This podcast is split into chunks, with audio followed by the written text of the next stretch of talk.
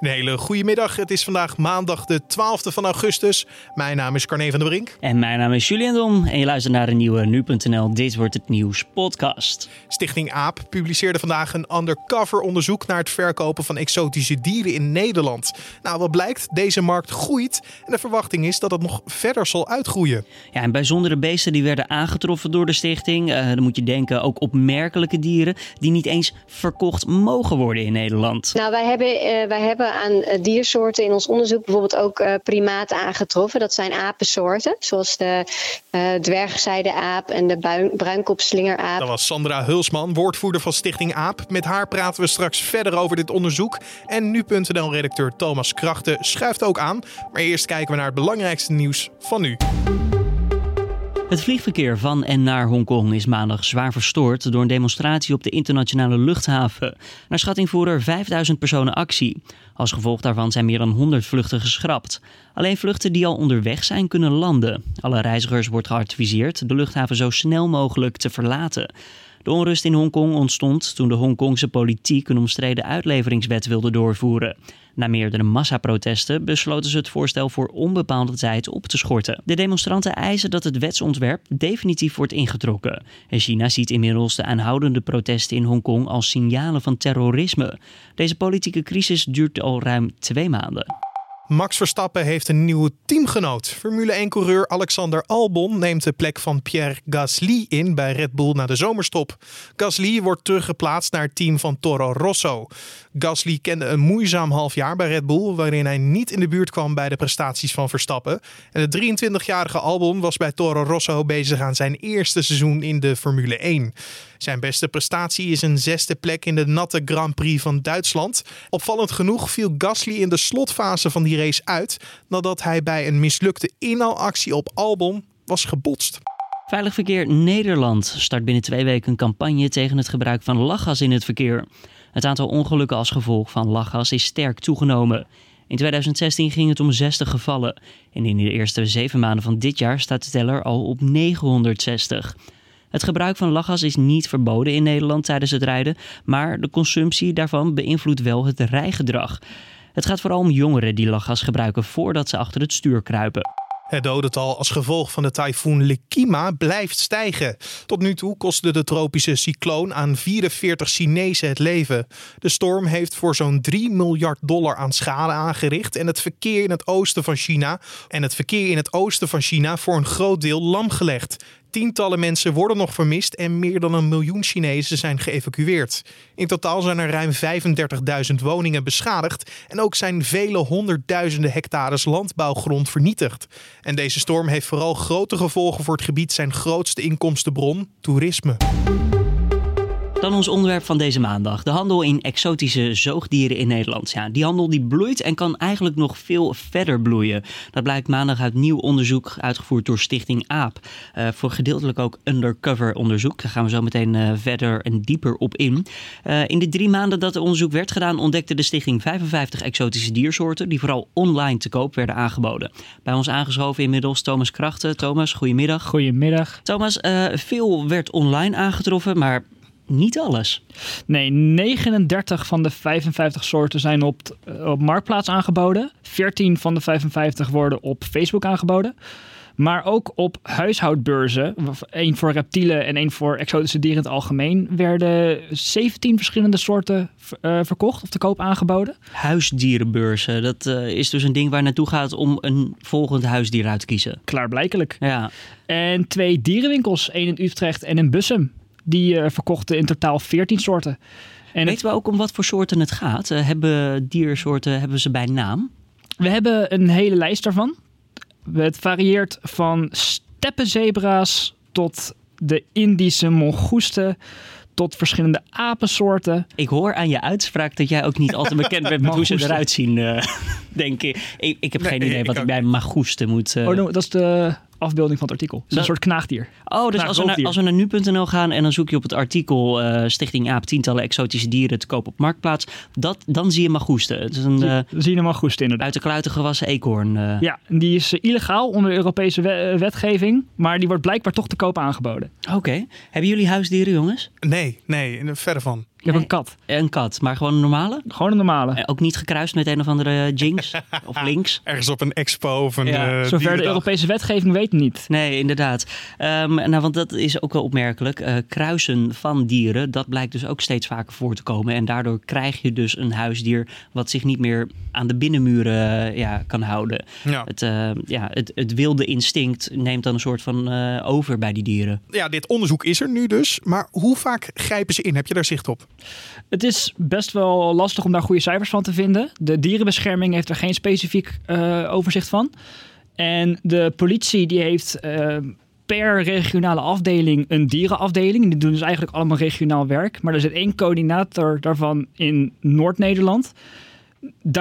Die cijfers moeten nog worden opgezocht. En Stichting AAP weet wel dat ze eh, in de afgelopen... In 2018 hebben ze 1370 meldingen gehad waarbij ze moesten ingrijpen. En dan hebben we het dus eigenlijk alleen nog maar over zoogdieren. En dat is ook voor dit onderzoek alleen zoogdieren. Maar we weten dus eigenlijk nog niet hoe het zit met reptielen en met vogelsoorten bijvoorbeeld. Ja, ik moet er ook even bij zeggen. Je, je hebt contact opgenomen met 144 Red en Dier. Eh, op het moment van opnemen hadden ze nog geen cijfers voor jou. eh, Hadden ze nog geen uitleg. Dus dat komt er nog. Die, die zijn ze nog aan het opzoeken. Ja, precies. Dat komt er waarschijnlijk nog.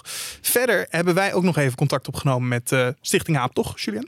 Zeker, eh, Sandra Hulsman, dat is woordvoerder bij Stichting AAP. En we vroegen haar hoe lang het eigenlijk al speelt, het probleem van drukte bij de stichting. Ehm, nou, we zien de afgelopen jaren dat, eh, ja, dat, dat we steeds meer opvangaanvragen krijgen. En dat de trend gewoon alleen maar eh, eh, ja, toeneemt. Eh, dus het speelt al lang en het probleem wordt steeds groter. Nou zijn jullie eh, voor het onderzoek langs gegaan bij eh, verschillende organisaties, plekken, ook twee dierenwinkels. Ehm, waarom eigenlijk Ja, wij hebben voor het onderzoek gekeken naar eh, de platformen waar wij, waarvan wij weten en die we achten als ja, het meest kansrijk om diersoorten aan te treffen, omdat die veel op die platformen verhandeld worden. Ehm, en om, eh, we hebben zes platformen eh, hebben we gemonitord. Marktplaats, Facebook, twee dierenwinkels en twee exotische dierenbeurzen. Ja, omdat we daar onze handen al vol aan hadden eigenlijk. Ja, eh, maar twee dierenwinkels zijn toch wel een stuk kleiner dan twee eh, online platformen zoals Facebook en Marktplaats, toch? Ja, wij hadden al wel het vermoeden dat de online handel dat, dat hoorde. En zien we natuurlijk ook dat dat, dat eh, ja, de, de belangrijkste kanalen zijn voor de dierenhandel. En dat bleek ook uit ons onder- onderzoek dat meer dan 80% van de soorten dat we die aantroffen op Marktplaats en Facebook. Eh, hoe ver eh, is dit onderzoek dan sprekend voor de hele situatie in Nederland? Nou, wij weten ook eh, dat de periode waarin we het onderzoek gedaan hebben, dat dat niet eens het hoogseizoen is voor de dierenhandel. Vanwege de nestjes, dat is een andere periode. Daarnaast weten we ook van andere landen. We zien als we lang, het onderzoek langer hadden gedaan, misschien dus een jaar lang. En nog wat meer kanalen hadden gemonitord, ja, dan zal het probleem hoogstwaarschijnlijk nog groter eh, worden. En zal de diversiteit aan soorten alleen maar toenemen. Waarom hebben jullie er dan voor gekozen om het dan nu drie maanden te doen en niet langer? Was er een soort innerlijke druk bij jullie? Uh, nou, het is natuurlijk inderdaad arbeidsintensief. En voor ons was het eigenlijk al genoeg informatie. Want uh, wij zien natuurlijk in onze dagelijkse opvangpraktijk de probleemgevallen voorbij komen. En ook de verschillende toename in soorten. En ook de trendgevoeligheid van die soorten. Uh, ja, en dat zagen we ook in het onderzoek. En daarnaast uh, doen we dit onderzoek dus ook nog in andere Europese landen.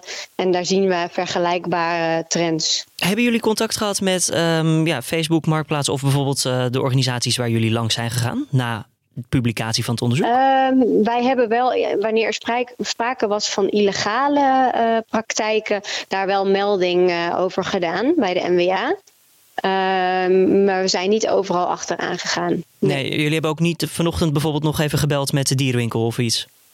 Nee, nee, dat is ook niet. Uh, dus dat zien wij ook niet per se als onze rol. Kijk, wij zien natuurlijk uh, de voortvloeisels uit die handel, hè, van wat er misgaat. En er zijn weer andere organisaties en instellingen die daar, uh, zich daarmee bezighouden. En natuurlijk ook de handhaving vanuit de overheid van illegale praktijken. Je zegt illegale praktijken. Waar moet ik dan aan denken als leek? Nou, wij hebben, wij hebben aan diersoorten in ons onderzoek bijvoorbeeld ook primaten aangetroffen. Dat zijn apensoorten, zoals de dwergzijde aap en de bruinkopslingeraap.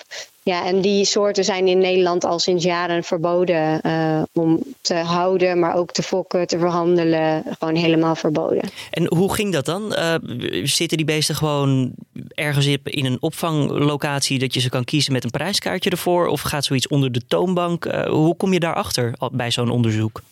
Ja, goede vraag. Nou, eigenlijk is het zo simpel als even googelen. En dan kom je vanzelf, uh, nou, marktplaats is, heb je de meeste kans.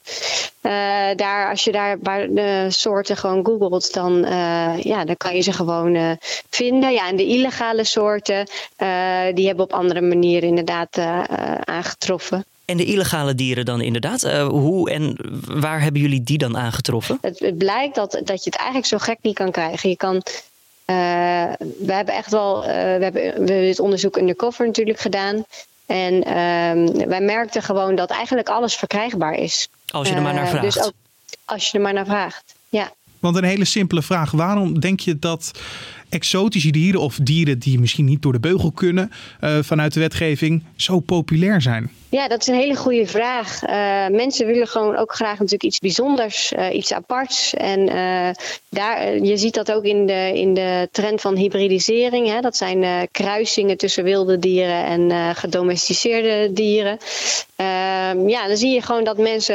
ja, wij zien dus steeds meer soorten op de markt. En daar, daar moet een vraag naar zijn. Um, en waarom dat zo is, ja, dat is een goede vraag. Werken jullie ook samen met het ministerie van Landbouw, Natuur en Voedselkwaliteit voor die nieuwe huis- en hobbydierenlijst? Uh, wij zijn daar zeker ook bij betrokken, ja. En meerdere organisaties. Uh, ja, dus ze hebben contact met elkaar. Nou hebben wij ook even contact opgenomen met het ministerie van Landbouw, Natuur en Voedselkwaliteit. Wij hebben een paar vragen gesteld aan Lisa Gaster. Zij is uh, ja, woordvoerder van dierenwelzijn uh, in het algemeen. En we vroegen haar een aantal vragen, Julien. En jij moet me ook helpen, want ze wou niet in de podcast zelf de vragen beantwoorden. Nee, het is per, per mail gegaan. Um, dus we hebben wel een antwoord, maar er zit geen audio bij. En het begon eigenlijk met de vraag: waarom was er nou een noodzaak om met een nieuwe huis- en hobbydierenlijst te komen vanuit het ministerie? Nou, dat blijkt dus uh, zo te zitten. In 2017 besloot het College van Beroep voor het Bedrijfsleven dat de eerder opgestelde lijst niet voldeed aan Europees en nationaal rechtelijke eisen. En daarom moet er dus een nieuwe komen. Nou, weet je, die nieuwe lijst die komt, uh, als het goed is, de eerste resultaten komen eind van dit jaar naar buiten. Ook een vraag die we hadden gesteld, uh, want een datum is blijkbaar nog altijd niet precies bekend. Maar in hoeverre wordt die nieuwe hobby- en huisdierenlijst dan gemaakt in samenwerking met Stichting AAP en andere organisaties? Nou, je hoorde Stichting AAP al even zeggen dat ze wel in uh, contact zijn met elkaar. Maar het opstellen, dat is een onafhankelijk en wetenschappelijk proces. En als de conceptlijst uiteindelijk er is, dan wordt die ter consultatie opengesteld. En dan kunnen organisaties zoals Stichting AAP of de Dierenbescherming nog een zegje erover doen. Ja, en we vroegen haar ook naar wat er op dit moment duidelijk is over huisdieren die op dit moment nog wel toegestaan zijn, maar straks wellicht niet meer. Haar antwoord daarop was? Ja, er komt dus een overgangsregeling voor als je dus nu iets hebt wat straks op die lijst komt te staan. Want ja, je kan het natuurlijk moeilijk van de een op de andere dag naar buiten doen. Um, hoe die overgangsregeling precies in elkaar zit, is nog onbekend. Maar ook daarover er zal later meer duidelijkheid verschaft worden door ja. het ministerie. Helder. En dat waren eigenlijk alle antwoorden die we hebben gekregen van Lisa Gaster, persvoorlichter van Dierenwelzijn Algemeen van het ministerie van Landbouw, Natuur en Voedselkwaliteit. Julien, dan is het tijd voor het weer, denk ik. Inderdaad, Carne. Vanavond veel stapelwolken met lokaal nog her en der wat zon. Verspreid over het land komen er wel nog wat buitjes voor. En komende nacht zijn er vrij veel wolkenvelden. Buigheid neemt dan nog verder toe. En de meeste buien die worden in het midden en noordwesten verwacht. En daarbij kan ook nog een klap onweer uh, voorbij komen. De temperatuur die daalt s'nachts naar 10 tot 13 graden. En als we dan even naar de dinsdag kijken, een vrij koele dag. Je kan het ook wel wisselvallig zomersweer noemen. En uh, ja, de temperaturen dan 17 tot 19 graden. Ik zou bijna zeggen lange mouwen. En dit was dan de Dit Wordt Het Nieuws podcast voor deze 12e van augustus. Je vindt de podcast in de zomerse weken op de voorpagina van nu.nl in de middag. En je kan ons laten weten wat je van deze podcast vindt via podcast.nu.nl, ons mailadres. Zo kan je in contact komen met ons tweeën. En je kan ook een recensie achterlaten in iTunes. Mijn naam is Carne van der Brink. En mijn naam is Julian Dom. En voor de mensen die ons terug willen horen in de ochtend, nog een paar dagen geduld. Want volgende week zijn we er weer ochtends om 6 uur met het nieuws van de dag. Voor nu een hele fijne maandag en tot morgen.